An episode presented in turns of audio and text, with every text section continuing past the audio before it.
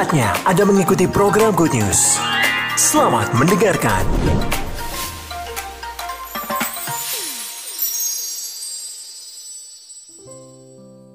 Shalom. Saya sungguh-sungguh berdoa karena Tuhan sudah menempatkan sesuatu dalam hati ini untuk saya harus sampaikan kepada milik kepunyaannya, yaitu semua saudara yang dikasih Tuhan Yesus. Karena sebagaimana kita ketahui situasi kondisi dunia ini bukan semakin membaik sebenarnya. Dan itu pun tidak salah kalau saya mengatakan demikian karena demikianlah firman Tuhan yang sudah menyatakannya terlebih dahulu kepada kita dengan maksud dan tujuan yang terbaik buat umat manusia.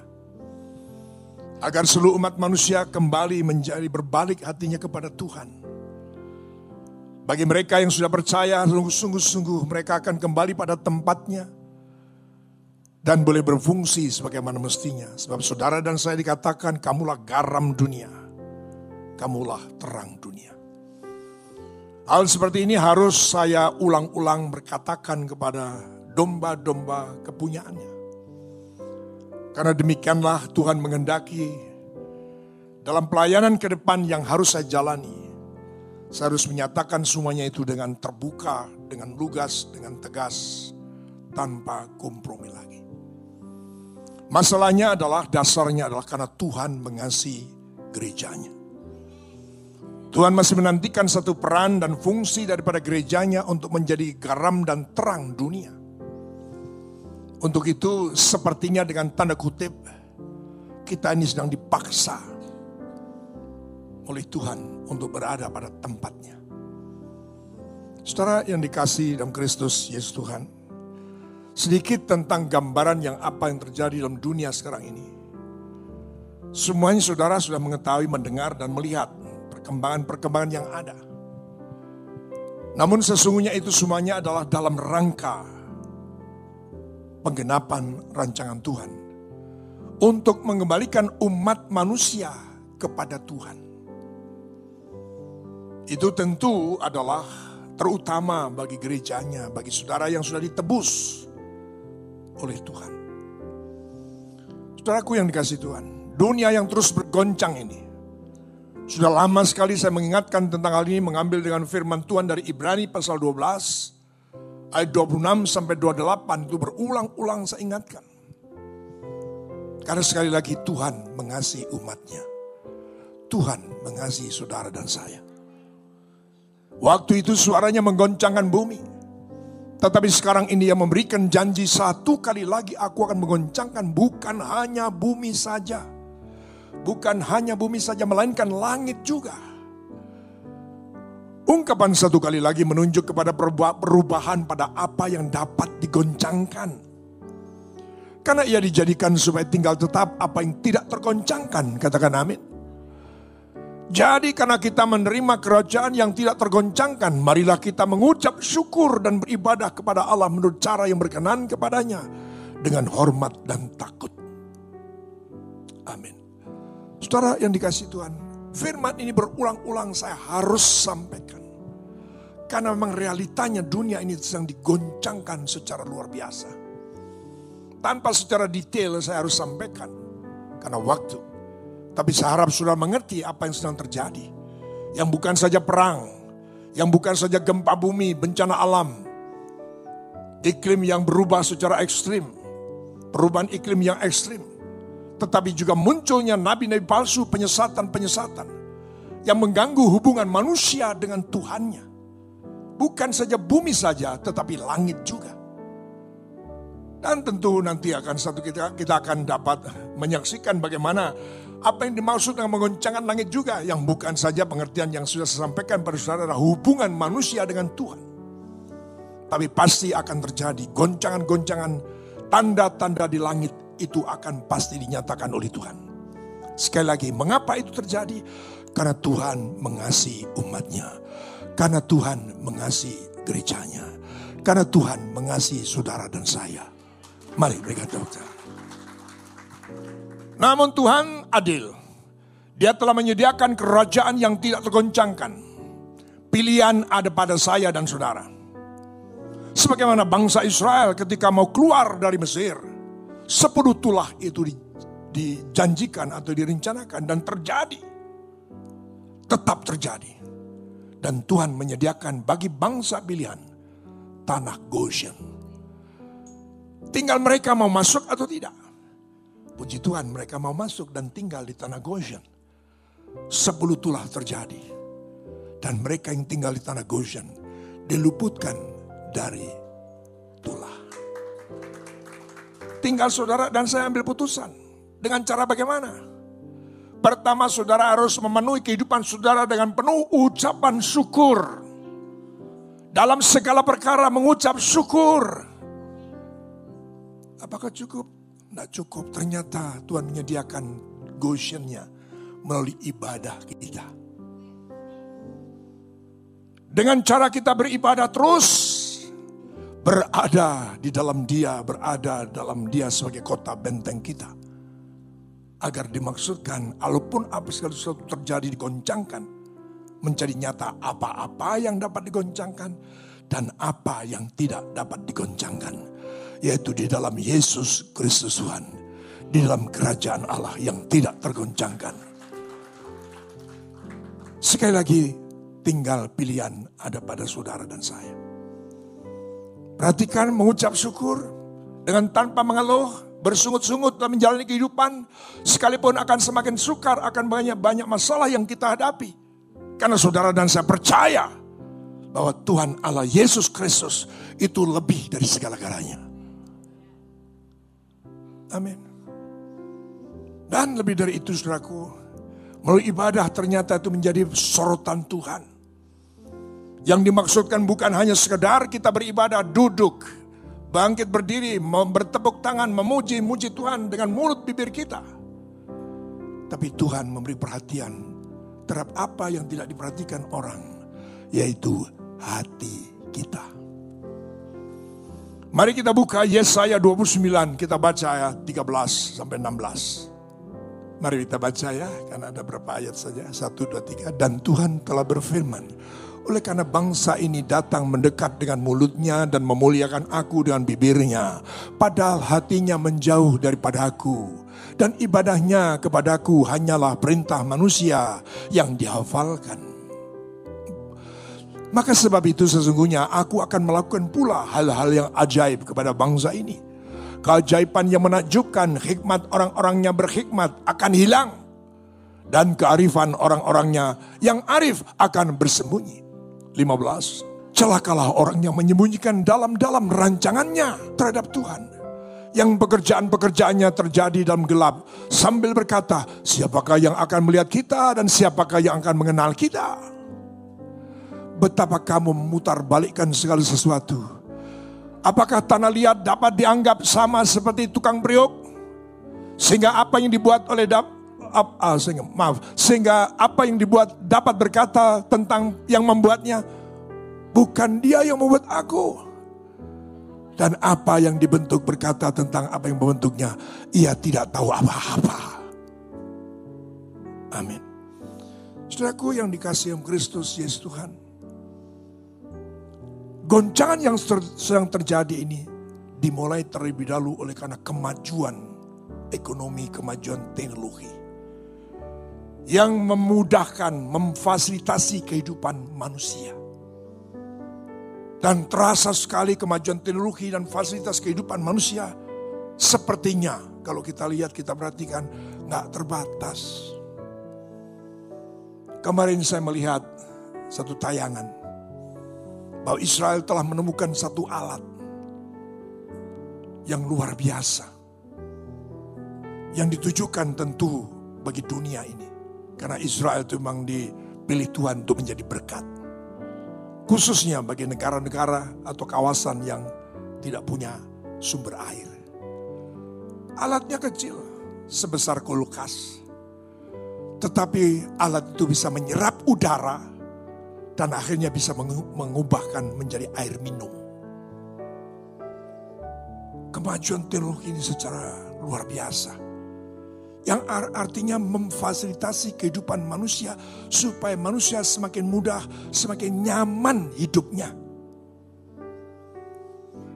Saudara yang dikasih yang Kristus, Yesus Tuhan. Kalau tadi saya sudah mengawali melalui Ibrani pasal yang ke berapa itu? 12, terutama ayat 28-nya. Kita sungguh-sungguh harus menjalankan kehidupan itu. Sebagaimana yang Tuhan kehendaki. Agar kita sungguh-sungguh menjadi orang-orang yang dipilih Tuhan sampai pada akhirnya. Sehingga kalaupun terjadi goncangan yang paling hebat dalam dunia sekarang ini saudara dan saya tetap orang-orang yang diluputkan. Bukan hanya diluputkan dan sudah menerima keselamatan, tapi sementara sudah diluputkan, sementara sudah menjalani kehidupan, sudah dipakai menjadi contoh, menjadi teladan bagi kehidupan orang lain. Mari yang percaya, berikan tepuk tangan bagi Tuhan Yesus. Saudaraku yang dikasih Tuhan, kemajuan teknologi luar biasa, fasilitas kehidupan luar biasa. Yang memang belum merata di seluruh kawasan dunia ini. Dan belum merata bisa dinikmati oleh semua manusia. Tapi itu kan berarti bahwa kemajuan teknologi itu terhambat. Atau tidak pernah terjadi. Saudaraku yang dikasih yang Kristus Yesus Tuhan. Sebagaimana keselamatan yang saat ini pun sudah disediakan oleh Tuhan Yesus. Itu pun belum semua manusia menikmati fasilitas keselamatan yang sudah Tuhan berikan. Sekalipun firmannya sudah jelas berkata, barang siapa yang percaya kepadanya tidaklah binasa, melainkan beroleh hidup yang kekal. Barang siapa itu memberikan ketegasan bahwa barang siapa itu nggak ada batasan, nggak ada border, nggak ada batasan-batasan suku, bangsa, bahasa. Barang siapa itu siapa saja. Itu artinya fasilitas yang saya singgung tadi pertama adalah mengenai fasilitas kehidupan, kemajuan teknologi. Tapi sekarang saya berbicara tentang fasilitas kehidupan untuk selamat. Untuk masuk dalam kehidupan yang kekal. Sudah Tuhan sediakan. Mari berikan tepuk tangan. Kalau sekarang ternyata dunia ini sedang dibawa dalam satu rancangan Tuhan dalam rangka penampian dalam rangka untuk membuat setiap orang yang sadar kembali hatinya berbalik kepada Tuhan. Dengan cara bagaimana kita harus pastikan semuanya itu. Berangkat daripada karena kita telah menerima kerajaan yang tidak tergoncangkan. Yang artinya fasilitas untuk diluputkan sudah pula disediakan Tuhan. Toh? Amin. Sudah. Tinggal saudara dan saya memanfaatkan atau tidak. Maka kalaupun kita sudah harus diajar mengucap syukur dalam segala perkara. Yang kedua, Tuhan menilai dalam ibadah kita. Bukan sekedar ibadah, datang, duduk, diam, nyanyi pujian, ikut doa dan sebagainya. Tidak. Tapi Tuhan melihat hati kita. Seperti dikatakan dalam ayat yang ke-13 dalam Yesaya 29 tadi. Contoh dia tolong diulang tayang sekali lagi.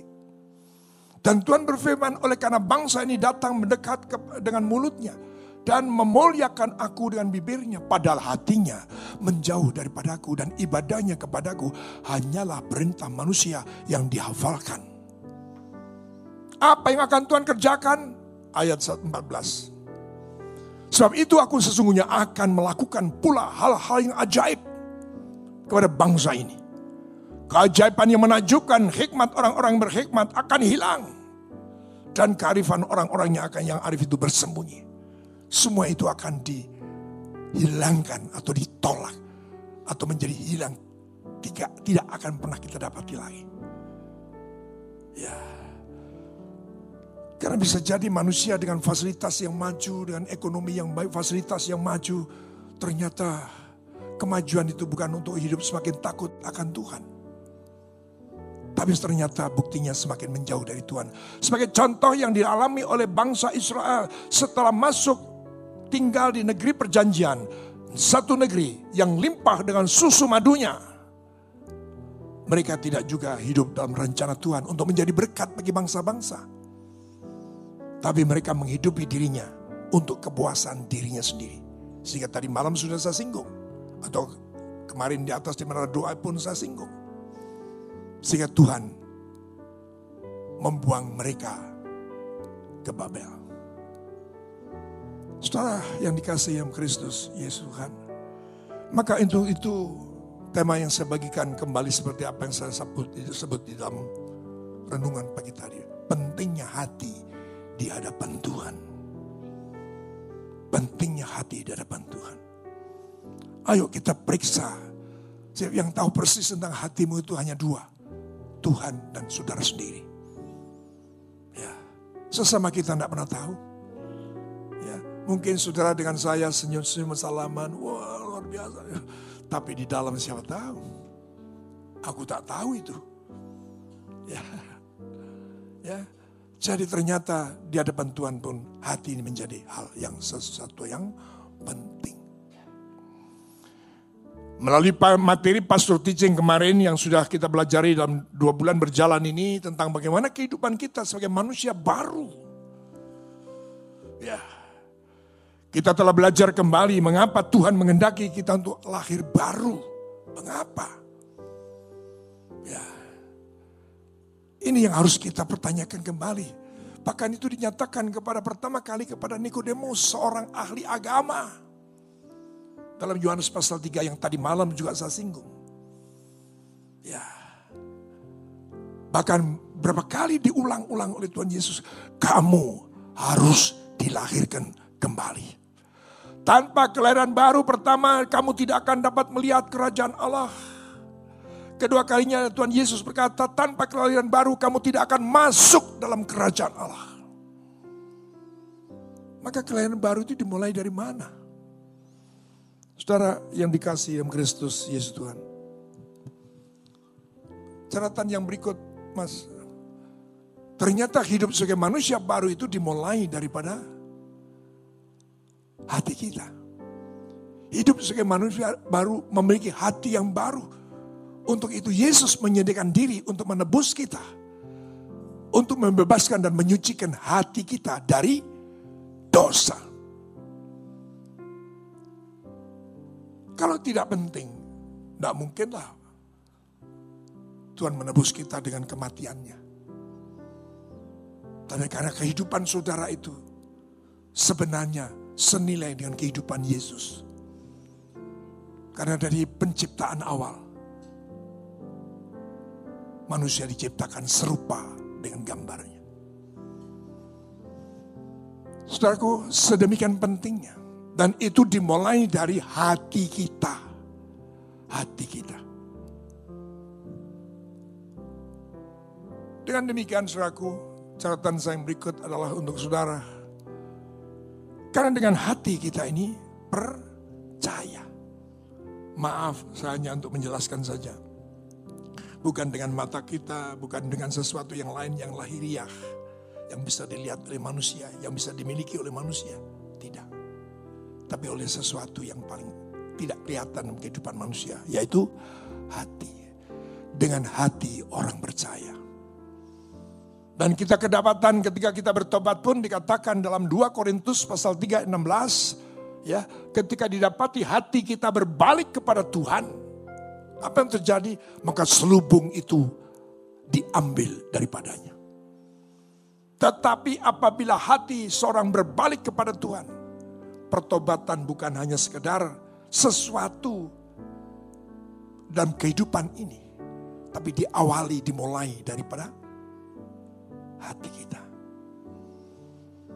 Saudara yang dikasih yang Kristus, Yesus Tuhan, Bahkan dalam Roma 10 ayat yang 9 dan 10 jelas sekali. Elemen hati itu mengambil satu bagian yang penting.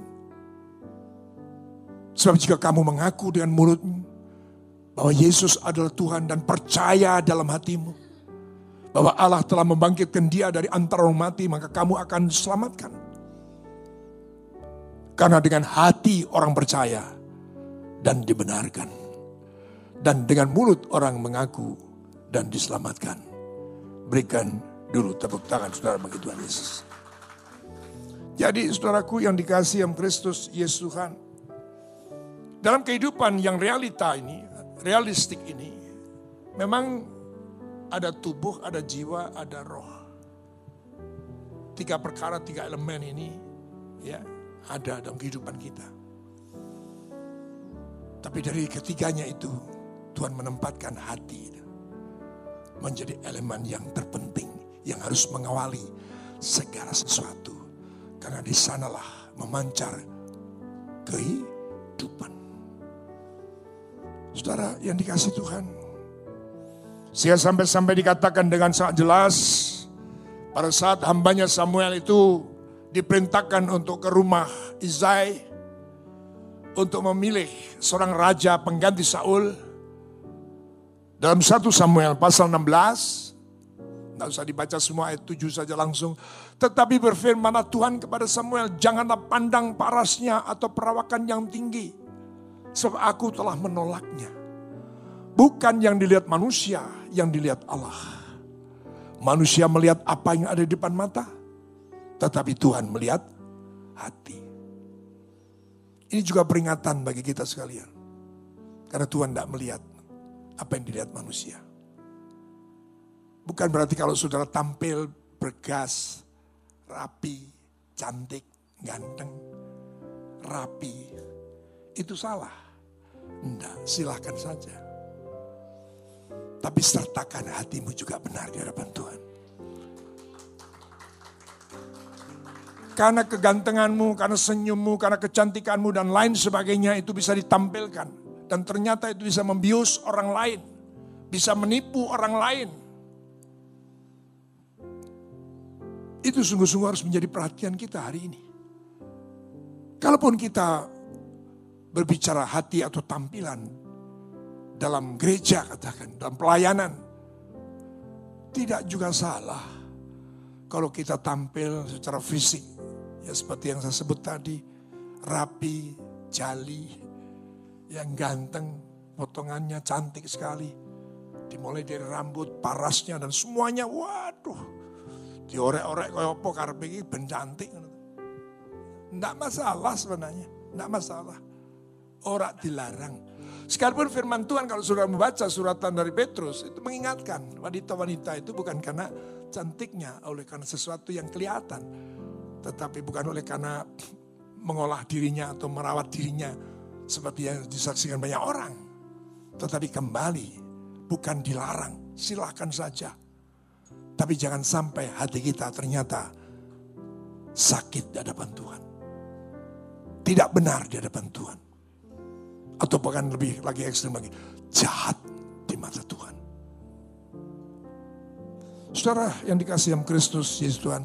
Sehingga pilihannya itu jatuh kepada yang bungsu. Yang juga ternyata elok. Toh? Daud. Tapi Tuhan tidak melihat keelokannya. Tapi di sana dicatat pun parasnya elok. Waduh, imut-imut kira-kira begitu ya. Tapi Tuhan melihat hatinya. Jadi belum sampai saya selesaikan, mari kita periksa hati kita hari-hari ini. Yang sering kali saya sebutkan kemarin di atas waktu menara doa. Atau kemarin pada waktu, waktu yang juga saya sebutkan juga. Pentingnya kerinduan hati. Rasa lapar, rasa haus akan Tuhan Sebagaimana kemarin saya contohkan kepada para teman-teman yang bertugas sebagai media. Jangan hadir karena engkau media. Jangan hadir karena engkau pegang mixer. Itu memfasilitasi. Tapi Tuhan mau. Kehadiranmu bukan karena, iya Pak karena saya tugas Pak. Kalau saya multimedia nggak hadir Pak. Nggak bunyi itu Pak. Wajah Pak Sudi pun juga tidak akan tertayang. Karena aku yang pegang multimedia. Jadi dengarkan firman dengan pengajaran sambil lalu saja. Fokusnya pada tugasnya itu. Ini yang salah di hadapan Tuhan. Jadi kalau saudara mendapatkan tugas yang memotivasi, yang mendorong saudara untuk hadir. Puji Tuhan. Tapi tetap arahkan hati dan pikiranmu kepada Tuhan. Berapa tahun yang lalu saya sudah memberikan, menyampaikan pesan-pesan tentang hati ini. Dalam perjalanan masih semasa aduh 20 30 tahun ke belakang itu. Ya. Kota Surabaya itu selalu memberikan kepercayaan. Kalau saya hitung-hitung itu tidak salah hampir 30 tahun itu. Setiap kali ada KKR besar, KKR kota di kota Surabaya, selalu saya ditunjuk sebagai chairman ketua panitia. Sibuknya luar biasa, persiapan luar biasa. Yang bukan hanya persiapan teknis, tapi bagaimana caranya supaya pembiayaan itu dicukupkan. Wah luar biasa. Rapat, rapat, dan rapat. Tapi ketika acara itu dimulai, saya tidak mau disibukkan lagi dengan perkara-perkara teknis. Sudah bisa tanya dari beberapa orang yang menjadi panitia sampai saya masih hidup. Saya tidak mau, saya duduk di depan, pertama bisa menemani pembicara, baik yang dari dalam kota, kota dalam negeri maupun luar negeri, untuk mendengar apa yang disampaikan hambanya. Saya tidak sibuk wirawiri, riwa-riwi, merono, merene, menunjukkan sibuk sekali gitu. Tapi ternyata di depan Tuhan itu orang dihitung Ketika saudara duduk diam mendengarkan, menyendengkan telingamu, membuka hatimu untuk mendengar firman Tuhan. Tuhan memberitahukan, aku telah menemukan hambaku yang berkenan di hatiku. Amin. Ini perlu ke depan untuk kita benahi kembali. Karena sangat mungkin kita setelah ditebus, kita jatuh dalam dosa karena masalahnya kita masih hidup di dunia yang memungkinkan manusia untuk jatuh kembali ke dalam dosa. Saudara yang dikasih yang Kristus, Yesus Tuhan. Sehingga apa yang dikatakan dalam Matius 10 ayat 18 dan 19. Catatan saya yang keempat. Mari kita buka, kita baca firman Tuhan ini. Dan karena Matius 10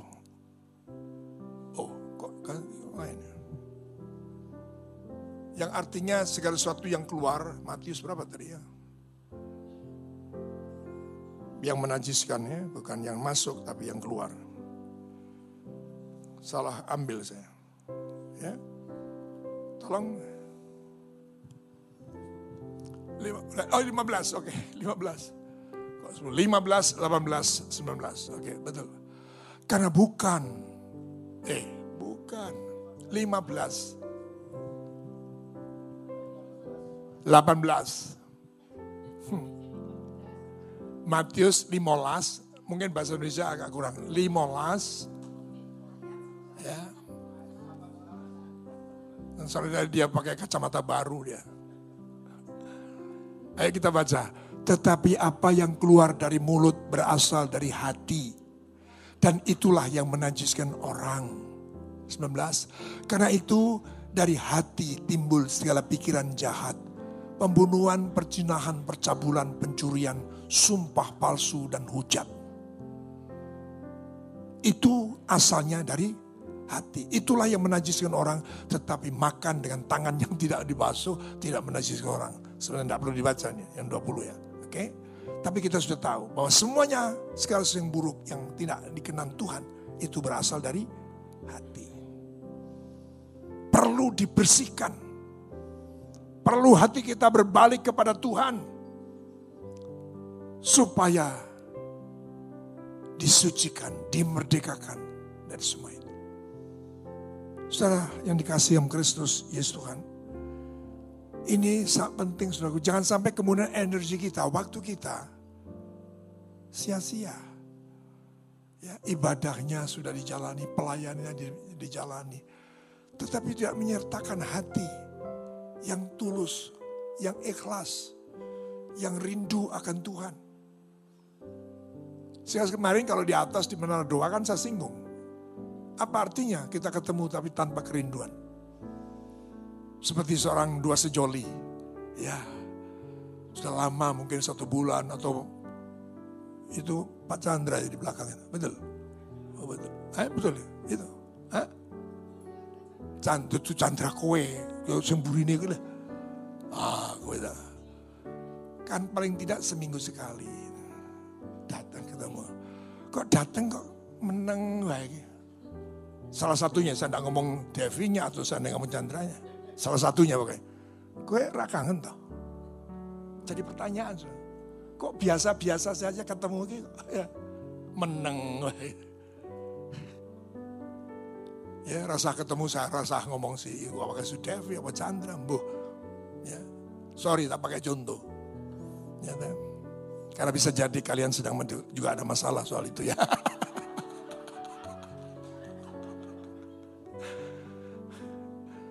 Kita berdatang ibadah tapi rasa tidak ada rasa lapar.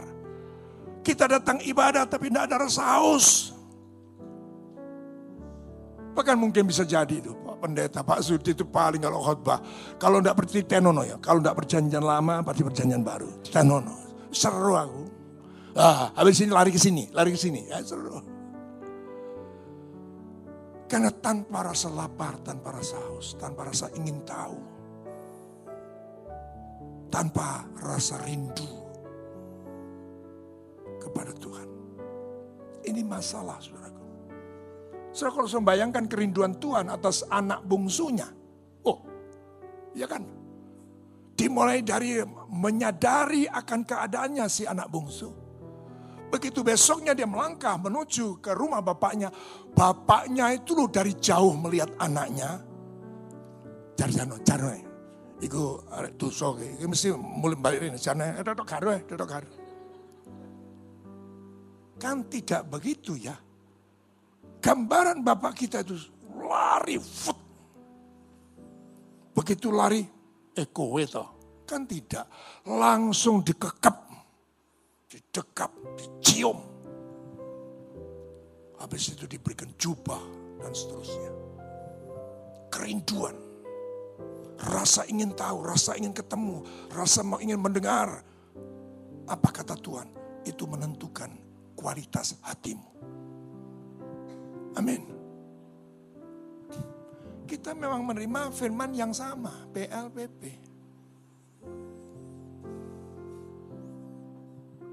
Makanya kalau saya mau mengatakan kalau saudara dasari atau tambahi dengan rasa rindu, rasa kangen, rasa butuh Tuhan.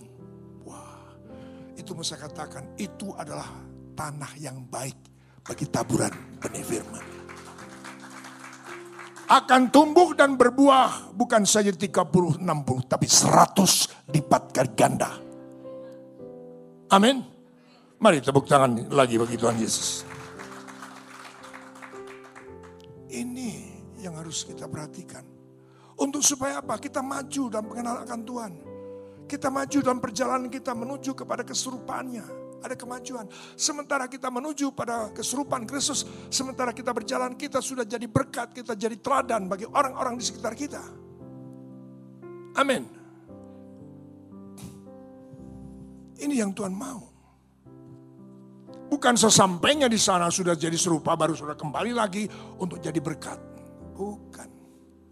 Sementara saudara menuju kepada keserupannya, menuju kepada kesempurnaannya, saudara menuju pada apa yang Tuhan kehendaki untuk saudara jalani. Sementara itu pula Tuhan mengendaki saudara jadi saksi dan alat Tuhan. Jadi garam dan terang dunia. Mari berikan tepuk tangan yang meriah. Jadi dengan demikian kalau kita ibadah, kita harus ibadah dengan hati yang lapang, dengan hati yang tulus, dengan hati yang sungguh-sungguh merindukan Tuhan. Sehingga banyak orang akan melihat orang yang datang ke gereja itu kayak rasanya kok kepingin dang ketemu, ketemu siapa tuh. Padahal gerejanya ngono-ngono baik. Sudah jadi berkat bagi orang yang melihat kita datang ke gereja. Amin. Saudara yang dikasih yang Kristus Yesus Tuhan, demikian ketika Tuhan mau memulihkan keadaan saya dan saudara. Itu dia bekerja dimulai dari hati kita. Dari 2 Korintus ayat 3, 16 tadi. Hati ini apa sungguh-sungguh berbalik pada Tuhan apa tidak? Demikian juga gambaran dan perjanjian lama dalam Yeskiel 36 kita coba bongkar. Ketika Tuhan merencanakan mengembalikan bangsa Israel, bangsa pilihannya kembali kepada tanah perjanjian, di mana Tuhan akan mengembalikan dari mana-mana pun mereka tersebar, tercerai berai, akan dikumpulkan, apa yang akan Tuhan kerjakan? Aku akan menjemput kamu dari antara bangsa-bangsa dan mengumpulkan kamu dari sebuah negeri dan akan membawa kamu kembali ke tanahmu. 25. Aku akan mencurahkan kepadamu air jernih yang akan mentahirkan kamu dari segala kenajisanmu, dari semua berhala-berhalamu. Aku akan mentahirkan kamu. Ditahirkan dulu saudaraku. Dimulai dari mana? 26. Aku, kamu akan kuberikan apa? Hati yang baru dan roh yang baru di dalam batinmu dan aku akan menjauhkan dari tubuhmu hati yang keras dan kuberikan kepadamu hati yang taat. Tepuk tangan dulu bagi Tuhan Yesus. Dan rohku akan kuberikan diam dalam batinmu. Dan aku akan membuat kamu hidup menurut segala ketapan. Dan tetap berpegang pada peraturan-peraturanku dan melakukannya. Untuk pemulihan Tuhan aware. Tuhan peduli. Memberikan hati yang baru. Karena Tuhan tidak mau terulang kembali ketika membawa bangsa Israel masuk ke tinggi perjanjian. Mereka foya-foya, pesta pora lupa terhadap rencana dan kehendak Tuhan. Sehingga dibuanglah mereka ke Babel. Dan Tuhan mengembalikan kembali bangsa itu kembali kepada tanah perjanjian. Tapi dengan syarat hati yang baru pun diberikan oleh Tuhan pada umatnya. Saudaraku yang dikasih Tuhan, ini yang harus jadi perhatian kita. Jadi kalau saudara merindukan pemulihan, pemulihan keluargamu dibolehkan, pekerjaanmu dibolehkan, bisnismu dibolehkan. Apa saja engkau punya kerinduan dipulihkan, langkahmu sudah tepat, berdoa kepada Tuhan sudah tepat. Dan itu bukan hanya bagi dirimu, tapi pulihkanlah kota kami Tuhan. Pulihkanlah negeri bangsa kami. Tapi itu harus dimulai dari hatimu. Bukankah pernyataan profetik yang sudah pernah saya sampaikan kepada saudara? Kita harus sekarang ini jalani hidup selaras dengan doa kita. Karena saya pun atau kita pun bersama punya kerinduan seperti apa yang direncanakan Tuhan atas kota, atas bangsa ini. Yang dicatat dalam Yeskiel, Yeskiel ya. Yeskiel 33 ayat 9. Yeskiel atau Jeremia? Coba tolong. Yang di kata-katanya tadi sama Bu Win dalam doa di ternama, terpuji. 33 ayat 9 yang saya ingat. Jeremia ya.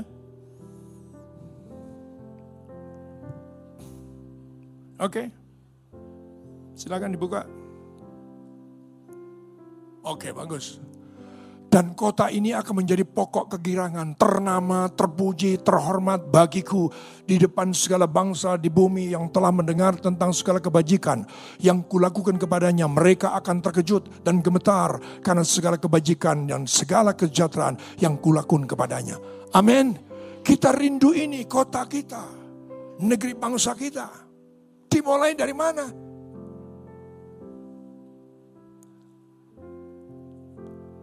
Dalam unit terkecil dari gereja, unit terkecil dari bangsa adalah keluarga. Mulai dari situ. Saudara yang dikasih yang Kristus, Yesus Tuhan. Ini yang sungguh-sungguh harus jadi perjuangan kita. Jadi saya ingin katakan bahwa ibadah kita, pengiringan kita kepada Tuhan harus dipakai narasi perjuangan.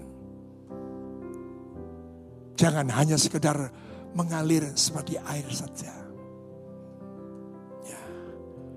Tapi harus diusahakan. Harus diperjuangkan. Harus diputuskan seperti materi pokok tadi malam. Matikanlah segala sesuatu yang duniawi. Itu perjuangan tuh. Karena musuh kita bukan di luar, tapi di dalam kita. Firmannya jelas dalam kolose, matikanlah semuanya. Karena itu penghalang terbesar, terutama kepentingan pribadi.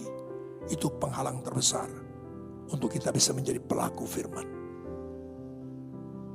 Saudara yang dikasih yang Kristus, Yesus Tuhan. Ini yang coba untuk bila kita renungkan dengan serius. Supaya pembacaan kita, apa yang kita renungkan dari Yesaya 29 ayat 13 tadi. Jangan sampailah kita ke kedapatan seperti ibadah saat ini.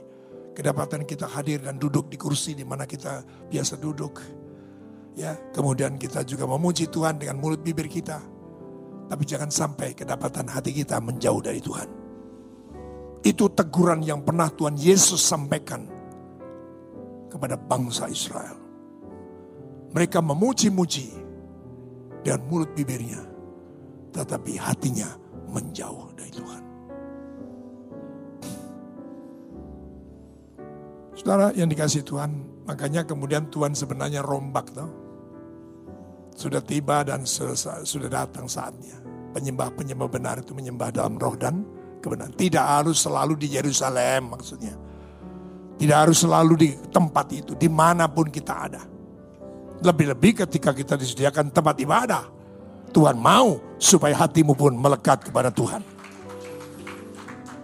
Jangan bangga dengan tempat ibadah yang mungkin lebih modern atau bangunannya atau fasilitasnya dan lain sebagainya. Tuhan tetap memperhatikan akan hatimu. Amin. Dengan demikian suraku saya akan tutup. Tuhan mengendaki, karena itu sudah menjadi rancangan Tuhan. Kita diberkati untuk menjadi berkat. Jangan sampai kita diberkati tetapi justru mendatangkan dosa lebih besar. Kita buka firman Tuhan dari Hosea pasal 10 ayat 1 dan 2. Kita baca bersama-sama di sini. Hosea 10 ayat 1 2. Israel adalah pohon anggur yang riap tumbuhnya, yang menghasilkan buah. Makin banyak buahnya, makin banyak dibuatnya mesbah-mesbah, makin baik tanahnya, makin baik dibuatnya tugu-tugu berhala. Hati mereka licik, sekarang mereka harus menanggung akibat kesalahannya. Dia akan menghancurkan mesbah-mesbah mereka dan meruntuhkan tugu-tugu berhala mereka. Semakin diberkati, sebenarnya Tuhan mau kita semakin menjadi berkat. Sekarang dipakai alasan. Karena apa? Kesibukan, karena pekerjaan, karena mobil, karena rumah. Pak, di rumah ada tukang, Pak. Jadi saya harus nunggoni tukang. Apa melu nyambut gawe? Jam yang sama. Kalau jamnya berbeda nggak masalah. Jam yang sama ada ibadah. Fasilitas sebenarnya Tuhan maksudkan diberikan kepada saya dan saudara supaya saudara menjadi berkat. Semakin diberkati, semakin nama Tuhan dipermuliakan.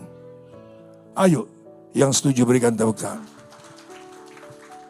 agar umatnya yang semakin diberkati Tuhan harus semakin menjadi berkat bagi sesama dan nama Tuhan dipermuliakan. Itu catatan saya.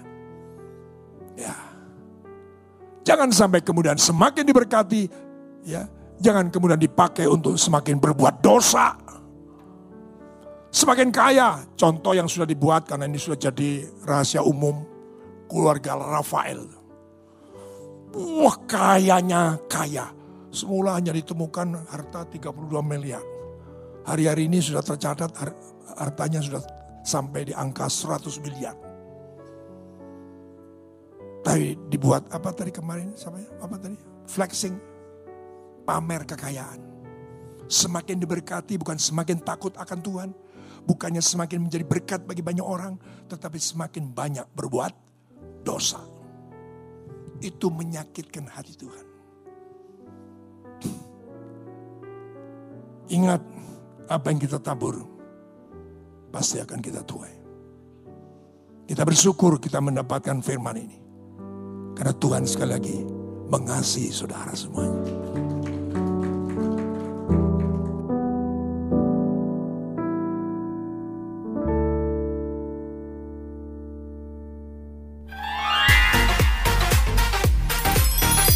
Terima kasih untuk Anda yang sudah mendengarkan program Good News yang dipersembahkan oleh Radio Sejahtera. Untuk Anda yang rindu mendapatkan layanan konseling dan dukungan doa, silakan menghubungi hotline 0812 33 33 6392. Para konselor dan para pendoa Diaspora Sejahtera Caring Ministry siap untuk melayani Anda. Tuhan Yesus memberkati.